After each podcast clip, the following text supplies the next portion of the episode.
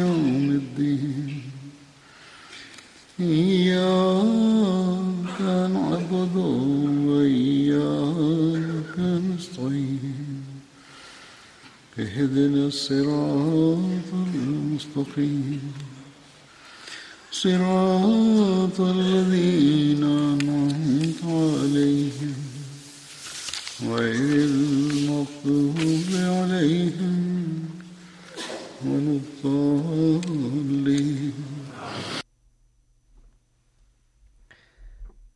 Pada hari ini saya akan melanjutkan penyampaian berkenaan dengan sahabat Badar.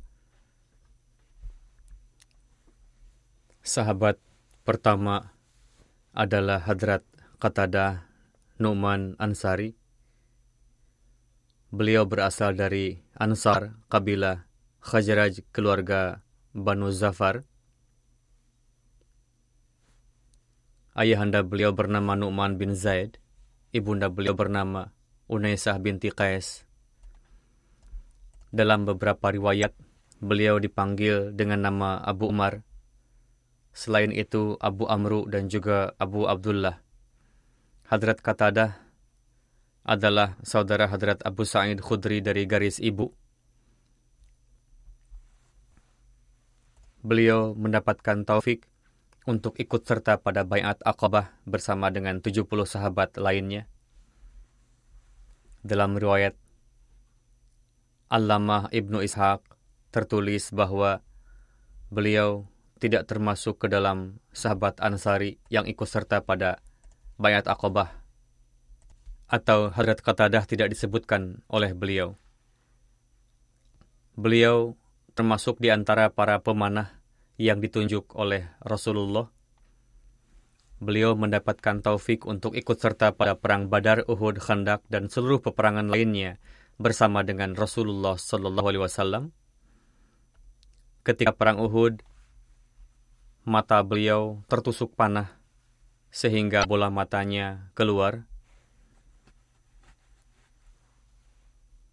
Lalu beliau hadir ke hadapan Rasulullah dan memohon bahwa saya terkena panah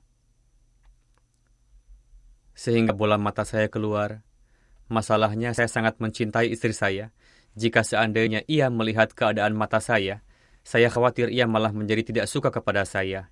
Diriwayatkan bahwa Rasulullah memasukkan kembali bola mata Hadrat Qatadah dengan tangan beliau, sehingga posisinya seperti semula, dan pandangan beliau kembali pulih Bahkan ketika beliau sudah tua, mata tersebut lebih baik dan tajam pandangannya dibandingkan dengan mata yang satunya lagi.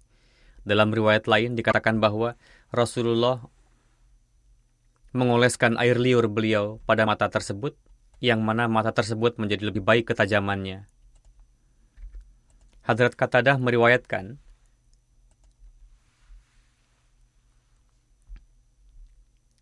bahwa Rasulullah pernah dihadiahi sebuah senjata panah. Pada perang Uhud, Rasulullah menghadiahkan panah tersebut kepada saya. Saya menggunakan panah tersebut untuk melindungi Rasulullah sampai-sampai tali panahnya putus. Meskipun demikian, saya tetap berada di depan wajah beberkat beliau untuk melindungi beliau. Pada umumnya sahabat yang kita kenal dalam hal ini adalah Hadrat Talha. Di sini yang diriwayatkan Hadrat Katadah. Ketika panah meluncur ke arah Rasulullah, saya halangi dengan kepala saya supaya dapat menjadi tameng bagi wajah beberkat Rasul. Saat itu panah saya tidak berfungsi. Ketika itu juga mata saya terkena anak panah yang mengakibatkan keluarnya bola mata dan menggantung di pipi. Kedua belah pasukan pun bubar setelah itu. Lalu saya menahan bola mata saya dengan tangan dan hadir ke hadapan Rasulullah.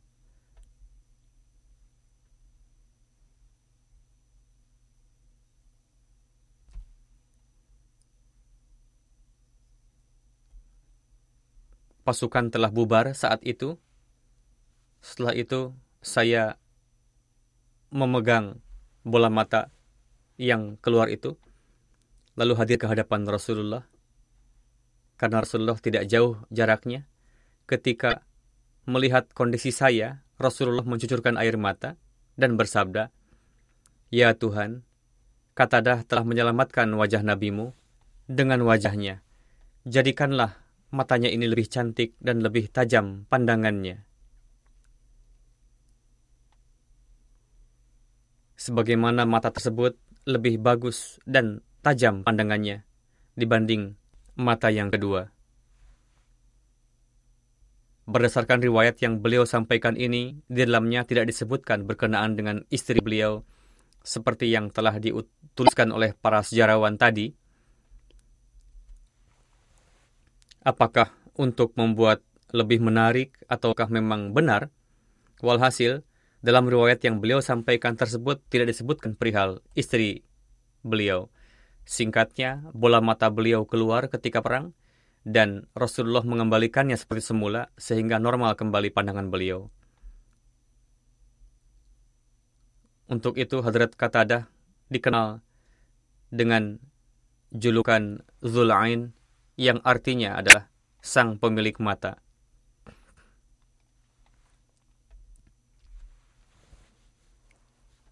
Hadrat Katada ikut serta pada perang Khandak dan seluruh peperangan lainnya bersama dengan Rasulullah.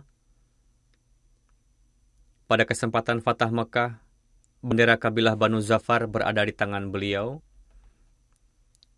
Beliau wafat pada tahun 23 Hijri pada usia 65 tahun. Hadrat Umar menyolatkan jenazah beliau. Saudara beliau Hadrat Abu Sa'id Khudri bersama dengan Muhammad bin Muslimah dan Haris bin Khazmah turun ke lubang lahat untuk memakamkan beliau. Sedangkan dalam riwayat lain, Hadrat Umar juga ikut serta memakamkannya. Seorang cucu Hadrat Katadah bernama Asim bin Umar, seorang pakar dalam ilmu silsilah keturunan, yang mana Allamah Ibnu Ishaq pun merujuk banyak riwayat dari beliau.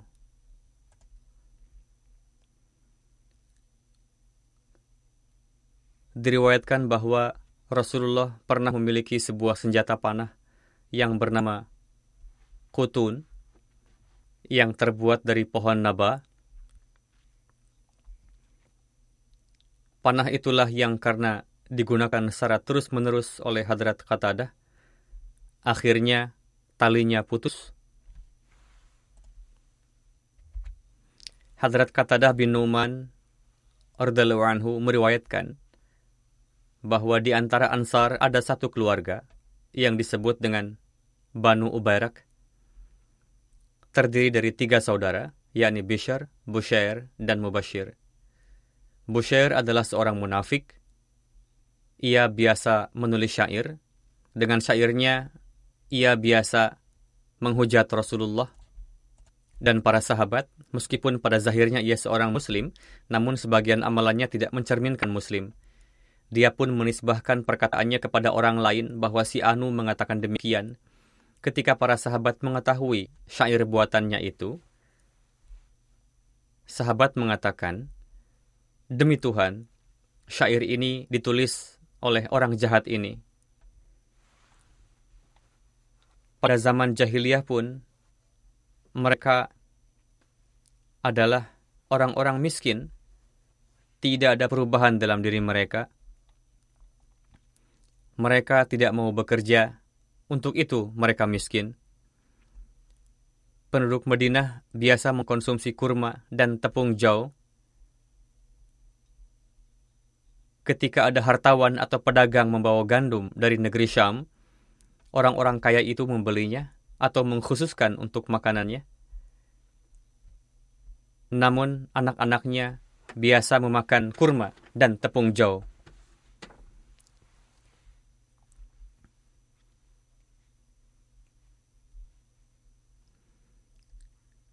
Diriwayatkan ketika suatu hari, pedagang biji-bijian datang dari Syam, paman saya, Rifa bin Zaid, membeli sekarung tepung terigu lalu menyimpannya di gudang. Dalam gudang itu juga disimpan senjata, pakaian besi, dan pedang-pedang. Pencuri berhasil menjebol dinding gudang, lalu mencuri semua isi gudang.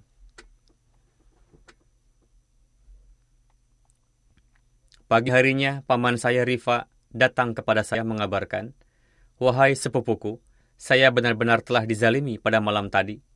Gudang kami telah dicuri, pangan dan senjata telah dicuri semuanya. Kami telah berusaha mencari tahu di lingkungan masyarakat, lalu bertanya kepada orang-orang. Mereka mengatakan bahwa mereka melihat Banu Ubair, Ubair malam tadi menyalakan api.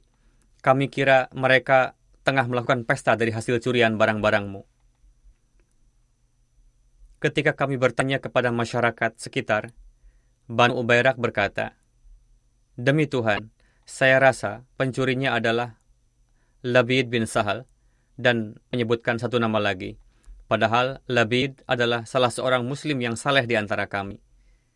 Ketika Labid tahu bahwa Banu Ubairak menuduhnya mencuri, beliau membawa pedangnya dan berkata, Apakah aku pencuri? Demi Tuhan, pedangku akan berada di tengah-tengah kalian, atau kalian terus mencari tahu siapa pencurinya. Beliau sangat marah. Orang-orang berkata, tolong Anda jauhkan pedangnya. Kami yakin Anda bukan pencurinya. Anda orang baik-baik. Kami terus mencari tahu kepada masyarakat dan kami tidak ragu lagi bahwa memang benar Banu Ubairaklah pencurinya. Paman saya berkata, jika kamu pergi menemui Rasulullah dan menceritakan kejadiannya, mungkin saja aku akan mendapatkan kembali hartaku. Hadrat Katadah berkata, mendengar itu, saya pergi menghadap Rasulullah dan berkata, Salah satu keluarga dari antara orang kami telah berbuat aniaya. Mereka telah mencuri isi gudang paman saya, Rifa bin Zaid,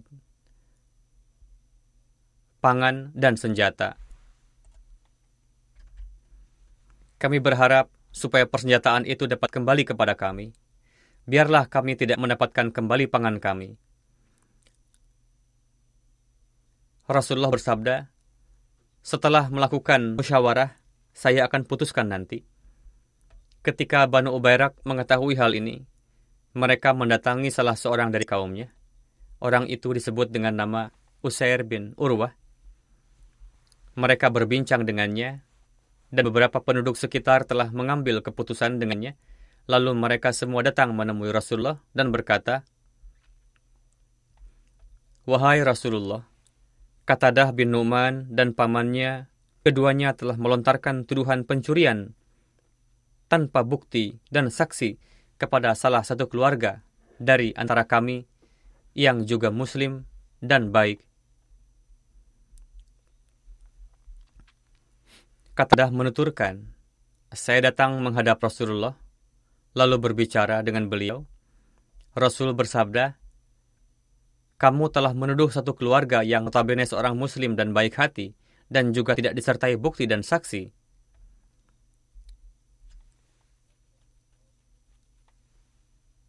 Katadah berkata, saya kembali dari beliau. Saya ingin, biarlah saya luput dari harta yang hilang itu, dan saya masih bisa tahan. Dan seandainya saja saya tidak mengatakan hal ini kepada Rasulullah, karena setelah mendengar Rasulullah, saya merasa bahwa saya telah membuat beliau menderita. Jika harta kekayaan saya hilang, tidaklah mengapa, asalkan saya tidak melaporkan hal ini kepada Rasul. Lalu paman saya datang kepada saya dan berkata, Sepupuku, apa yang telah kamu lakukan untuk perkara ini? Lalu saya kabarkan kepada paman apa yang dikatakan oleh Rasulullah kepada saya. Paman berkata, Allah lah penolong kita. Tidak lama setelah perbincangan itu, turunlah ayat Quran berikut. Inna anzalna ilaikal kitaba bil haqqi litahkuma bainan nasi bima arakallahu. Wala takul lil khainina khasima. Yakni sesungguhnya kami telah menurunkan kepada engkau kitab yang mengandung kebenaran supaya engkau menghakimi di antara manusia dengan apa yang diajarkan Allah kepada engkau. Dan janganlah engkau menjadi seorang petengkar untuk membela orang-orang yang khianat. Yang dimaksud khainin di sini adalah tertulis di sini ban ubairak.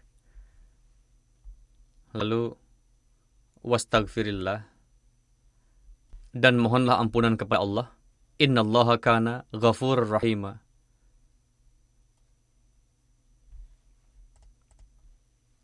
Sesungguhnya Allah Ta'ala maha pengampun lagi maha penyayang. Lalu Allah Ta'ala berfirman, wala tujadil 'anil يختانون أنفسهم. إن الله لا يحب من كان خوانا أثيما. يستخفون من الناس ولا يستخفون من الله وهو معهم إذ يبيتون ما لا يرضى من القول. وكان الله بما يعملون محيطا. ها أنتم هؤلاء جادلتم عنهم في الحياة الدنيا. Fama yujadilullaha anhum yawmal qiyamati amma yakunu alaihim wakila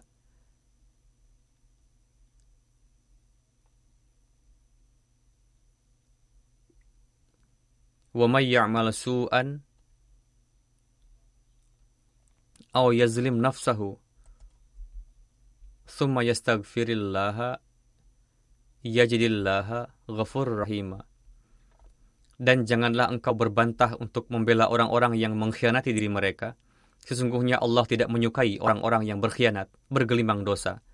Mereka berupaya menyembunyikan rencananya dari manusia, tetapi mereka tidak dapat menyembunyikannya dari Allah. Sedangkan dia bersama mereka ketika mereka di waktu malam merencanakan hal-hal yang tidak dia sukai.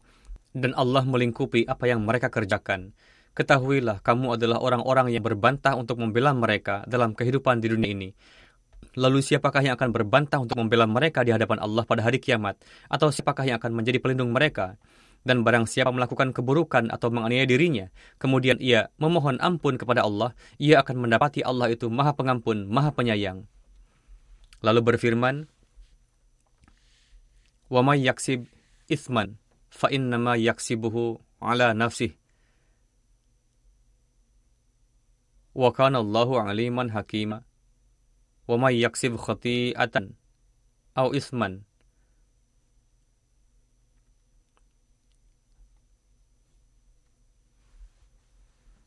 summa yarmi bihi bari'a faqad ihtamala buhtana wa mubina dan barang siapa berbuat dosa, maka sesungguhnya apa yang diperbuatnya itu akan menimpa dirinya sendiri, dan Allah itu maha mengetahui, maha bijaksana.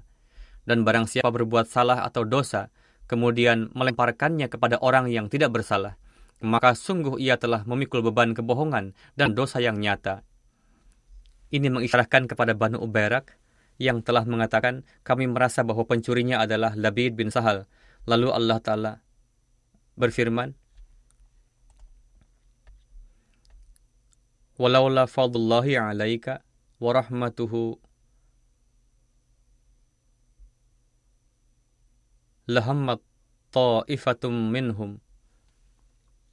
أن يضلوك وما يضلون إلا أنفسهم وما يضرونك من شيء.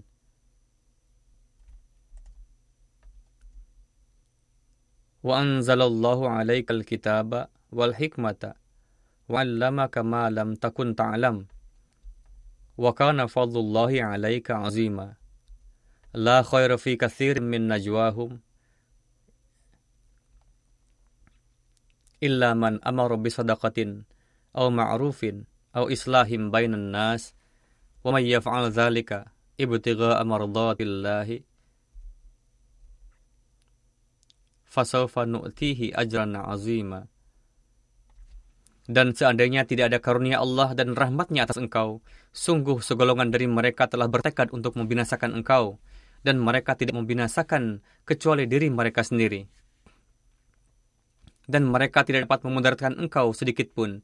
Dan Allah telah menurunkan kepada engkau kitab dan hikmah, dan dia telah mengajarkan kepada engkau apa yang tidak engkau ketahui, dan karunia Allah atas engkau sangat besar.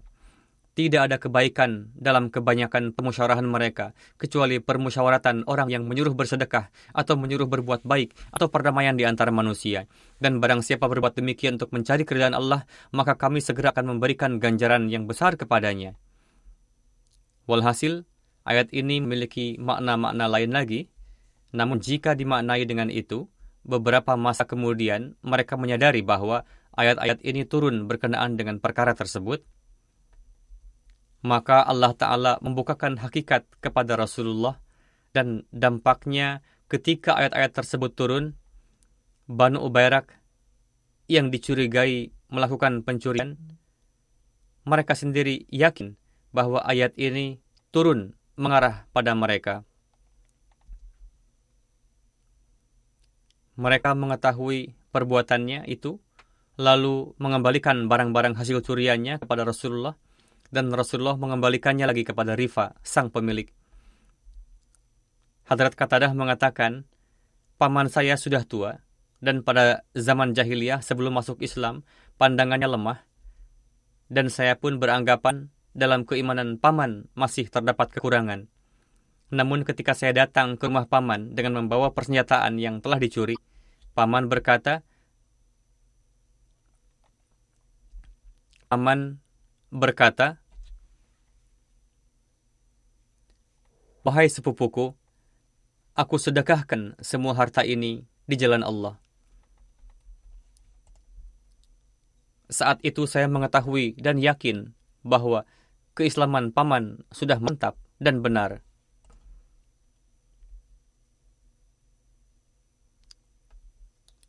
Sebelumnya saya meragukan keimanan paman.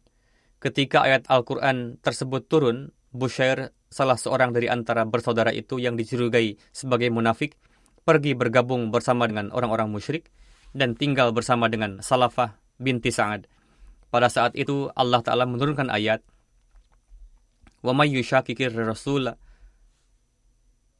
ومن يشاكك الرسول من بعد ما تبين له الهدى ويتبع غير سبيل المؤمنين نوله ما تولى ونسله جهنم وساءت مصيرا إن الله لا يغفر أن يشرك به ويغفر ما دون ذلك لمن يشاء ومن يشرك بالله فقد ضل ضلالا بعيدا Dan barang siapa menentang Rasul setelah jelas baginya petunjuk, dan ia mengikuti selain jalan orang-orang beriman, kami akan memalingkan ia kepada jalan yang ditujunya, dan kami akan memasukkannya ke dalam jahanam. Dan alangkah buruknya tempat kembali itu. Sesungguhnya Allah tidak akan mengampuni jika dia dipersekutukan dengan sesuatu. Tetapi dia akan mengampuni yang selain dari itu bagi siapa yang dia kehendaki. Dan barang siapa mempersekutukan Allah, maka sungguh ia telah sesat dengan kesesatan yang jauh. Ketika tinggal di rumah Salafah, ia semakin terjauh dari Islam. Lalu Hadrat Hasan bin Sabit mengecamnya melalui lantunan syair. Mendengar itu, Salafah binti Sa'ad meletakkan barang-barangnya di atas kepala, lalu keluar dari rumah dan membuangnya di lapangan. Salafah berkata, kamu telah memberikan hadiah syair Hasan padaku, yakni kecaman tadi yang ditulis disebabkan olehmu, sehingga kami pun termasuk di dalamnya. Kamu tidak akan memberikan manfaat apa-apa padaku, untuk itu aku tidak akan memberikan tempat pada barang-barangmu. Demikianlah akibat yang dirasakan oleh sang munafik atau musyrik itu. Diriwayatkan oleh Hadrat Abu Sa'id Khudri bahwa suatu ketika Hadrat Qatadah melewati sepanjang malam dengan membaca surat Al-Ikhlas, Ketika hal itu disampaikan kepada Rasulullah, Rasul bersabda, Demi zat yang di tangannya jiwaku berada, surat Al-Ikhlas sama dengan setengah atau sepertiga Al-Quran.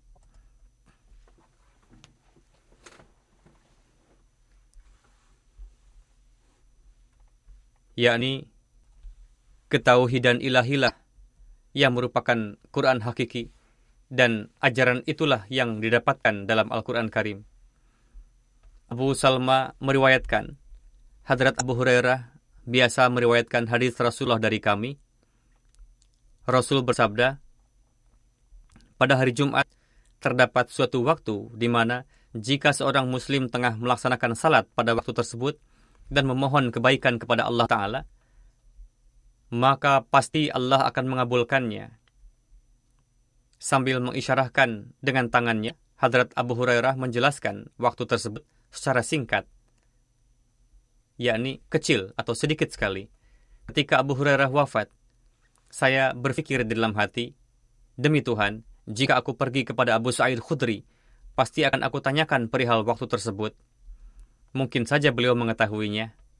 Suatu ketika saya datang menjumpai beliau, beliau tengah meluruskan tongkat-tongkat, saya bertanya kepada beliau, Wahai Abu Sa'id, tongkat-tongkat apa ini?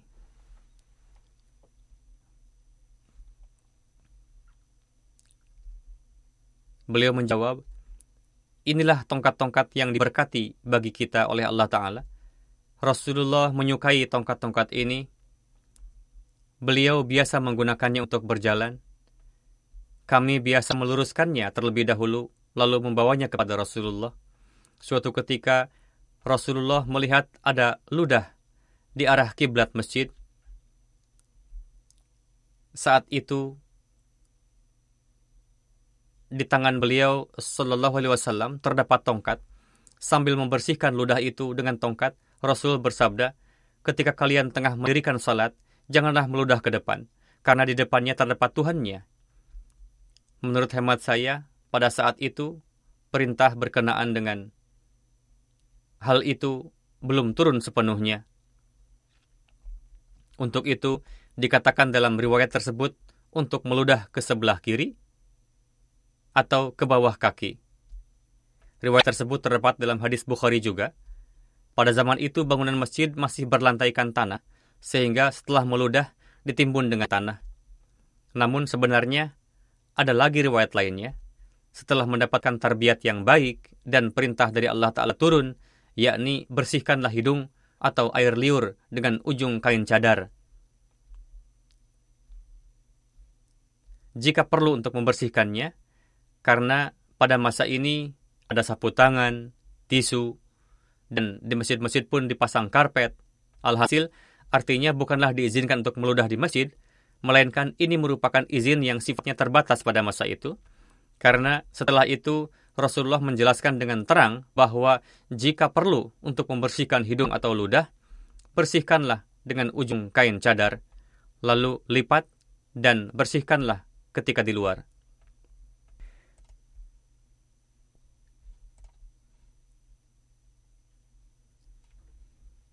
Diriwayatkan pada malam itu turun hujan yang deras.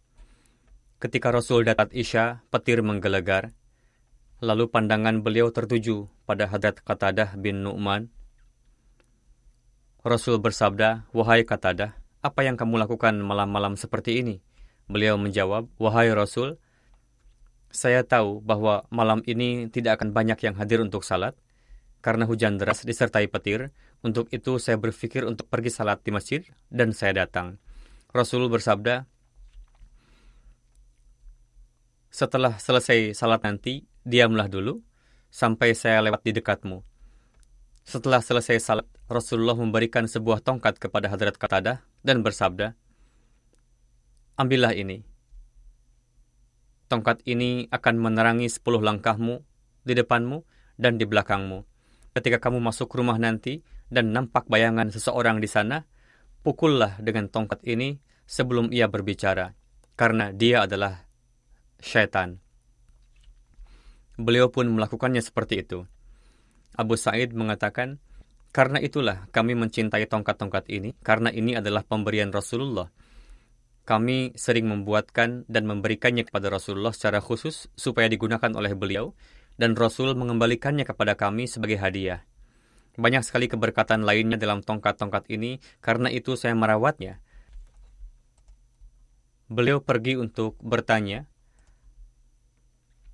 perihal suatu waktu yang datang pada hari Jumat, namun ketika itu melihat Abu Sa'ad melihat Abu Sa'id tengah merawat tongkat-tongkat itu sehingga disinggung juga kisah mengenai tongkat-tongkat tersebut. Sekarang kita kembali kepada permasalahan awal. Diriwayatkan oleh Abu Hurairah bahwa pada hari Jumat terdapat suatu waktu yang di dalamnya doa-doa akan dikabulkan. Beliau berkata, saya pernah menanyakan kepada Rasulullah perihal waktu tersebut. Rasul bersabda, pernah diberitahukan kepada saya perihal waktu tersebut, namun terlupakan lagi. Abu Salma berkata, lalu saya pulang dan pergi kepada Abdullah bin Salam.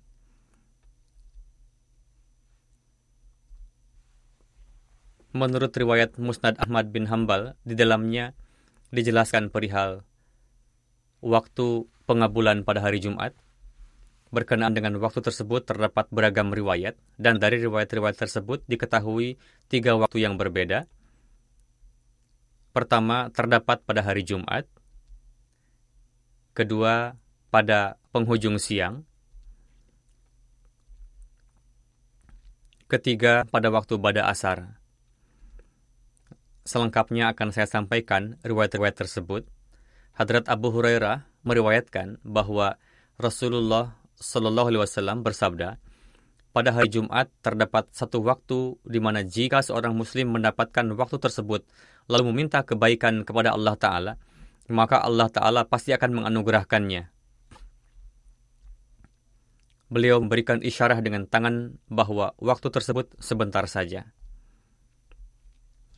Dalam riwayat sahih Muslim, Abu Bardah bin Abu Musa Ash'ari meriwayatkan bahwa Hadrat Abdullah bin Umar berkata kepada saya, Apakah kamu pernah mendengar dari ayahmu bahwa Rasulullah bersabda berkenaan dengan kualitas waktu pada hari Jumat? Saya berkata, ya, saya pernah mendengarnya. Beliau mengatakan bahwa beliau pernah mendengar Rasulullah bersabda, waktu itu bermula dari duduknya imam sampai selesainya salat. Dalam riwayat lainnya, Hadrat Abdullah bin Salam meriwayatkan, saya bertanya kepada Rasulullah ketika beliau datang, kami mendapatkan keterangan dalam kitab Allah perihal suatu waktu dalam salat Jumat, di mana jika seorang mukmin mendapatkan waktu tersebut ketika tengah salat dan memohon sesuatu kepada Allah, namun ia tidak mendapatkan waktu itu, Allah akan memenuhi keinginannya. Hadrat Abdullah meriwayatkan, Rasulullah bersabda dengan mengisyaratkan kepada saya waktu itu hanya sebentar saja. Saya katakan, ya, satu bagian saja. Lalu saya bertanya, waktu yang manakah itu? Rasulullah bersabda, itu adalah waktu penghujung siang, yakni mendekati terbenamnya siang. Saya katakan, itu bukanlah waktu salat. Rasul bersabda, kenapa tidak?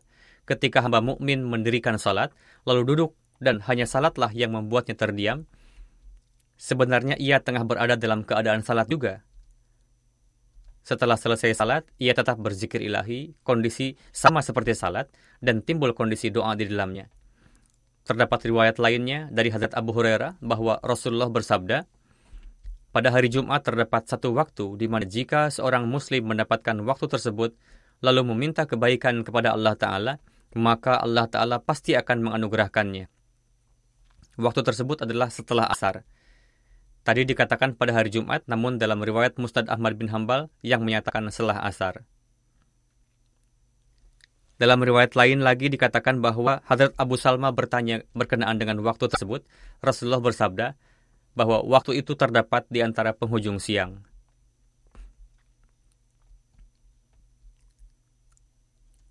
Menjelaskan berkenaan dengan hal tersebut, Hadrat Muslim Ma'ud anhu bersabda, Jumat dan Ramadan memiliki kesamaan satu sama lain, yakni Jumat merupakan hari pengabulan doa, sedangkan Ramadan merupakan bulan pengampunan do pengabulan doa. Berkenaan dengan Jumat, Rasulullah bersabda, Jika ada orang yang pergi ke masjid untuk salat, lalu duduk senyap dan sibuk berzikir sambil menunggu imam, lalu mendengarkan khutbah dengan penuh tawajuh dan ikut serta dalam salat berjamaah, maka secara khusus keberkatan dari Allah Ta'ala akan tercurah padanya. Ada juga waktu pada hari Jumat yang jika manusia pada waktu tersebut berdoa, maka doanya akan dikabulkan. Hadrat Abu Hurairah meriwayatkan, Rasulullah menjelaskan berkenaan dengan hari Jumat dan bersabda, di dalamnya terdapat waktu di mana jika seorang muslim mendapatkan waktu tersebut dalam keadaan salat, maka apa pun yang ia panjatkan di dalamnya pasti akan dikabulkan. Rasulullah memberikan isyarah tangan bahwa waktu itulah hanya sebentar saja. Ini adalah hadis Bukhari yang sebelumnya telah saya sampaikan dari riwayat Abu Hurairah. Beliau menulis, berdasarkan hukum ilahi, kita terpaksa memberikan takbir lain lagi terhadap hadis tersebut, yakni doa-doa yang dikabulkan itu adalah yang sesuai dengan sunnah Allah dan hukum ilahi. Jenis doa yang keliru bagaimanapun tidak akan dikabulkan. Yang dikabulkan adalah doa-doa yang sesuai dengan sunnah Allah doa yang jaiz dan sesuai dengan hukum Tuhan. Namun di mana ini merupakan nikmat besar, di sisi lain ini pun bukan perkara yang mudah.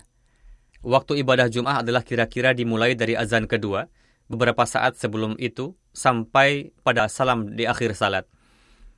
Jika kedua waktu tersebut dipertemukan, meskipun khutbah Jum'ahnya singkat, maka waktu tersebut berlangsung 30 menit. Jika khutbahnya panjang, bisa berlangsung satu jam atau satu setengah jam lamanya. Dalam satu atau satu setengah jam itu, ada menit-menit di mana jika manusia berdoa, doanya akan dikabulkan. Namun dalam tempo 90 menit itu, manusia tidak mengetahui apakah waktu pengabulan doa itu terletak pada menit pertama, kedua, ataukah yang ketiga. Hingga sampai menit ke-90, manusia tidak dapat mengatakan perihal menit yang mana yang doanya dikabulkan. Seolah-olah waktu pengabulan doa itu terpaksa harus kita cari dalam tempo 90 menit, dan yang akan berhasil dalam pencarian waktu pengabulan doa itu adalah orang yang terus sibuk berdoa sepanjang 90 menit itu. Dapat memusatkan diri tidak dapat dilakukan oleh setiap orang. Karena itu merupakan amalan yang sulit Hadrat Muslim Aud menulis, ada sebagian orang yang tidak dapat bertahan konsentrasinya walaupun hanya waktu 5 menit saja. Misalnya seseorang datang untuk salat, namun ia memandang ke sana kemari. Sebelum khutbah, saya melihat sebagian orang yang tengah melaksanakan salat sunat, namun pandangannya tertuju ke sana kemari. Padahal salat sunat hanya berlangsung satu setengah atau dua menit saja, namun dalam waktu yang singkat itu kadang melihat ke kiri ataupun ke kanan kadang ke lantai ataupun ke atap.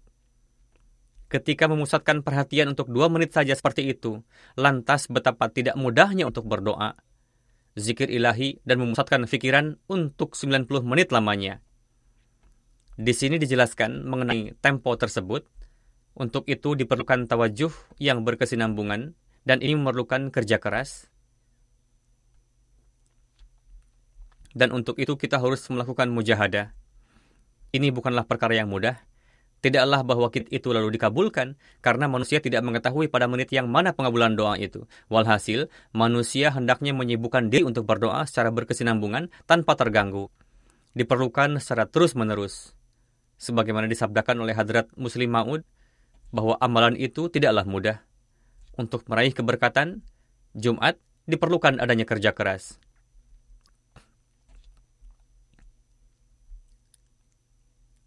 Sahabat berikutnya adalah Hadrat Abdullah bin Maz'un. Beliau berasal dari Quraisy kabilah Banu Jima. Ibunda beliau bernama Suhailah binti Abnath Anbath. Beliau adalah saudara kandung dari Hadrat Kudamah bin Maz'un, Hadrat Utsman bin Maz'un, dan Hadrat Sa'id bin Maz'un. Dan beliau adalah paman dari Hadrat Abdullah bin Umar. Karena Hadrat Umar menikahi kakak iparnya, Abdullah bin Maz'un. Yazid bin Ruman meriwayatkan Hadrat Abdullah bin Maz'un dan Hadrat Kudamah bin Maz'un bayat masuk Islam sebelum Rasulullah memasuki Darul Arqam. Beliau bersama dengan tiga bersaudara di antaranya Hadrat Kudamah bin Maz'un, Hadrat Utsman bin Maz'un, dan Hadrat Sa'id bin Maz'un termasuk ke dalam orang-orang yang hijrah ke Habsyah. Ketika, ber, ketika berada di Habsyah, beliau mendapatkan kabar bahwa penduduk Quraisy telah masuk Islam, lalu pulang ke Mekah. Perihal ini telah saya sampaikan pada topik sahabat terdahulu, yakni ketika penderitaan umat muslim sudah sampai pada puncaknya, Hadrat Rasulullah memerintahkan para sahabat untuk hijrah ke Habsyah, karena Habsyah dipimpin oleh raja yang adil dan menyukai keadilan. Di bawah pemerintahannya tidak ada yang dianiaya. Pada zaman itu, Habsyah dipimpin oleh pemerintahan Kristen dan rajanya disebut dengan nama Najasyi.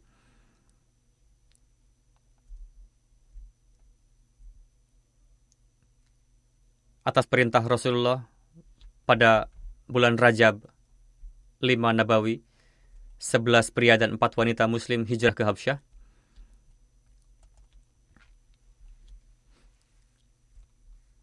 Setelah berangkat dari Mekah, ketika sampai di pelabuhan Saibah, sebelah selatan,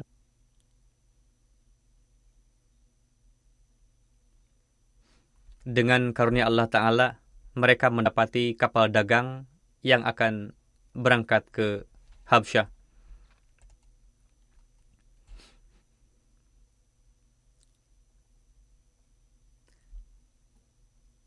Lalu mereka berangkat menggunakan kapal tersebut sampai di Habsyah dengan aman. Setibanya di Habsyah, umat muslim mendapatkan kehidupan yang damai dan bersyukur atas terbebasnya dari cengkeraman Quraisy.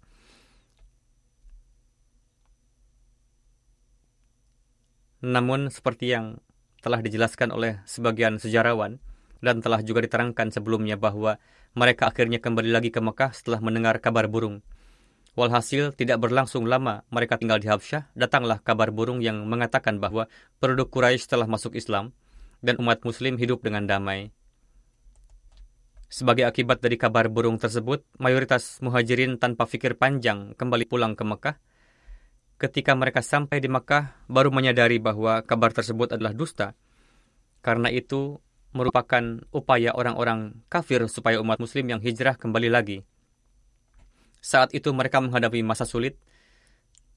Sebagian dari mereka ada yang memutuskan untuk kembali ke Habsyah dan ada juga yang memasuki Mekah dan meminta jaminan keamanan dari tokoh Quraisy. Namun itu pun tidak dapat berlangsung lama. Kezaliman penduduk Quraisy semakin meningkat dan tidak ada tempat aman bagi umat muslim.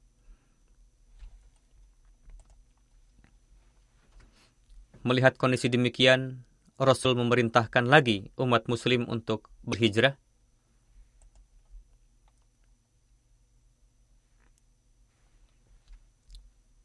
Lalu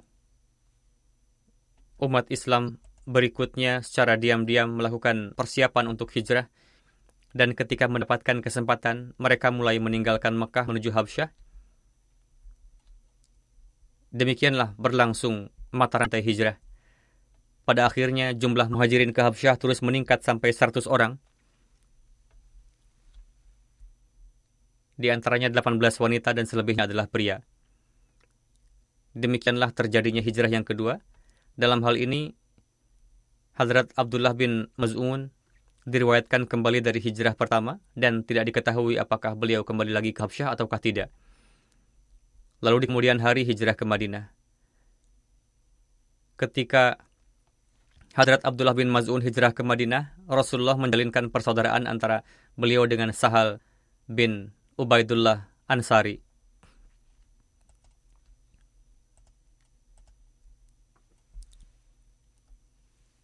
Berdasarkan riwayat lain dengan Hadrat Utbah bin Amir.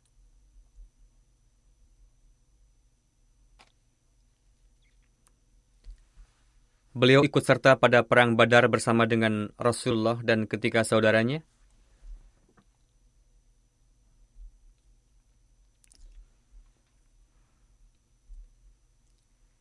Selain perang Badar, beliau pun ikut serta pada perang Uhud, Khandak, dan seluruh peperangan lainnya bersama dengan Rasulullah.